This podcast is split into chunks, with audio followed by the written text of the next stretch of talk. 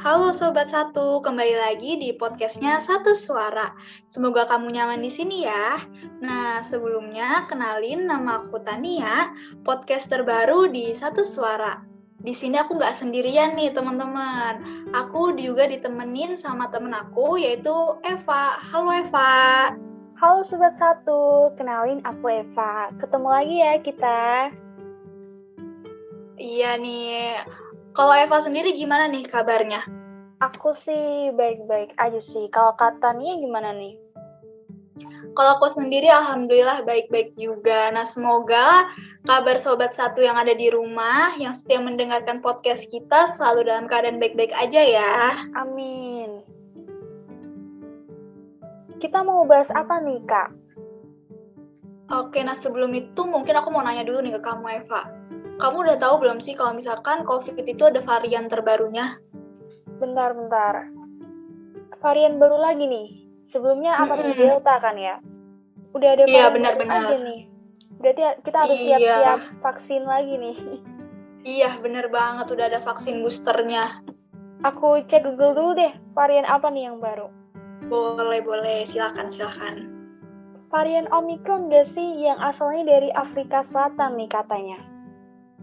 Iya, bener banget. Dan Omikron ini juga udah nyebar di banyak negara, termasuk di Indonesia nih Eva. Dan juga Omikron ini menyebabkan kasus terinfeksi COVID-19 di Indonesia itu meningkat lagi. Wih, serem banget ya. Kita harus jadi lebih hati-hati nih, karena banyak banget varian barunya. Iya, bener banget tuh. Kalau katanya sendiri udah pernah belum nih kalau aku sih kebetulan udah ya waktu batch Delta kemarin. Kalau hmm, pertanyaannya udah atau belum nih? Iya sama banget. Aku juga udah pernah kena waktu sama kayak kamu waktu batch Delta yang kemarin. Nah mungkin aku mau cerita sedikit kali ya Eva. Boleh boleh. Nah, jadi tuh awalnya tuh ada tetanggaku yang lagi main ke rumah nih. Tapi dia ini lagi sakit dan posisinya dia tuh nggak pakai masker. Dan gak lama dari situ, aku juga ikut sakit nih. Awalnya tuh aku ngerasa cuma pusing sama sakit mah aja. Tapi malamnya tuh gak lama dari situ, aku demam sampai 38 derajat. Wah, 38 derajat ya. Tinggi juga ya. Hmm. Terus juga iya, benar. Pusing sama mah. Pasti awal-awalnya gak nyadar deh kalau itu COVID. Iya, iya. Nah, dari situ tuh aku langsung bilang ke ibu aku kalau misalkan aku tuh panas akhirnya dibeliin obat penurun panas hmm. nah udah minum obat penurun panasnya turun sih sampai 37 derajat tapi malamnya itu panas aku naik lagi jadi tuh tiap malam tuh panas aku tuh naik turun terus gitu Wah jadi kayak nggak bisa diatur ya nih panasnya nih kayak anak muda ini nggak bisa diatur. Iya benar-benar. Nah pas itu juga uh, posisinya ibu aku sama adik aku juga udah sakit. Tapi um, gejala yang aku rasain tuh masih gejala ringan ya Eva. Contohnya kayak misalkan anosmia terus juga lemes batuk pilek sama diare.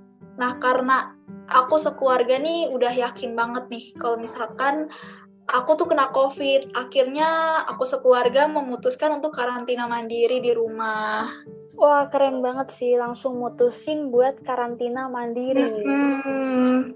Kira-kira berapa hari itu Kak sembuhnya? 14 ya?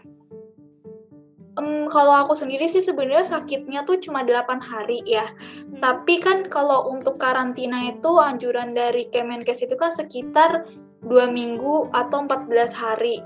Nah, aku keluar untuk aktivitas keluar rumah itu tuh sekitar 15 harian gitu.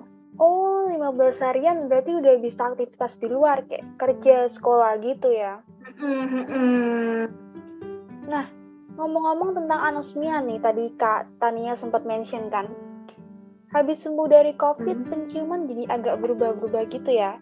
Aku sendiri sih benar-benar kayak semua makanan baunya jadi sama, terus rasanya juga aneh. Bahkan ya, aku sempat sadar kalau nggak bisa rasain rasa tertentu nih. Mungkin katanya atau sobat satu juga merasakan hal yang sama. Bener banget yang tadi dibilang dibilang sama Eva, kalau misalkan kayak penciumannya tuh jadi aneh. Nah aku juga ngerasain kayak gitu. Jadi kalau aku tuh tiap ngerasain makanan atau nyium bau yang menyengat itu tuh di hidung aku tuh rasanya tuh kayak bau bawang aja gitu. Jadi kan aneh ya, bau bawangnya juga bau bawang yang nyengat banget gitu loh Eva. Bau bawang ya, semuanya jadi bau bawang. Hilang selera makannya. Jadi Iya bener. dari berat badan ya. Enggak sih untungnya. Enggak ya, alhamdulillahnya ya. Iya bener. Nah tadi kan udah dibahas juga nih kan tadi tentang dampak fisiknya kan. Kayak contohnya Eva sama aku nggak bisa nyium, maksudnya penciumannya tuh jadi terganggu. Nah, aku juga mau ngebahas tentang dampak lain dari COVID-19 itu sendiri, yaitu dampaknya yang lagi kita rasain banget, kita jadi dibatasin ke mana-mana, jadi kurang produktif, dan nggak bisa ke mana-mana nih. Bener, kita jadi nggak bisa sebebas dulu nih. Contohnya kayak sekolah yang cuma buka beberapa jam aja, nggak full time. Nah, ngomong-ngomong nih, bioskop di tempat aku bukannya cuma setengah hari doang loh. Keren. Beneran. gak? Beneran. Wah, aku baru aku baru tahu loh. Kalau di daerah aku sih bioskop aku nggak tahu ya buka sampai berapa lama. Tapi setahu aku sih emang maksudnya bener-bener full time gitu loh.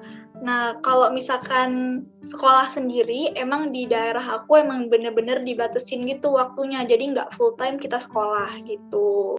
Oke, kayaknya sekolah di Indonesia juga semuanya kayak begitu ya, dibatasin nggak full time terus shift-shiftan juga ya kan? Mm-mm, bener-bener. Ngomong-ngomong nih, walaupun nggak bisa produktif dengan maksimal, kita juga jangan malah overproduktif ya katanya ya. Iya, bener banget tuh Eva. Soalnya kan sekarang lagi rame banget nih dibahas tentang FOMO sama toxic productivity. Kira-kira katanya pernah denger nggak? Kalau aku sih ya, hmm, sering dengar sih tentang FOMO itu sendiri tuh apa. Tapi sebenarnya aku tuh masih bingung deh definisi mengenai FOMO tuh apa sih, If? Oke, sini-sini aku kasih tahu. FOMO itu fear of missing out, Kak. Jadi Hmm, kayak mm-mm. kita tuh ngerasa takut, jadi kayak nggak mau ketinggalan sama orang lain gitu loh. Ini konteksnya dalam berbagai hal ya.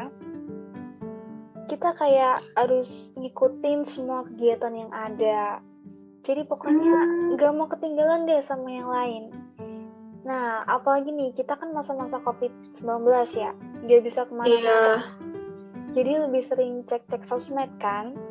Dan ya seperti yang kita tahu lah, sosmed tuh ada banyak banget tren-tren baru di sana yang bisa buat kita jadi FOMO. Hmm, iya bener-bener aku nangkep nih maksud dari Eva mengenai FOMO itu sendiri. Nah, mungkin juga karena kita terpengaruh kali ya dari kita Benar. ngelihat teman-teman, terus juga mungkin selebgram ataupun uh, orang-orang yang muncul di timeline sosial media kita buat ngikut tren-tren tersebut. Nah, jadi tuh muncul deh rasa kita rasa uh, gimana ya caranya kita nggak boleh ketinggalan mengikuti tren tersebut, ya kan Eva? Bener, kita jadi kayak tanpa sadar pengen nih ikut deh, ikut deh gitu. Mm-mm.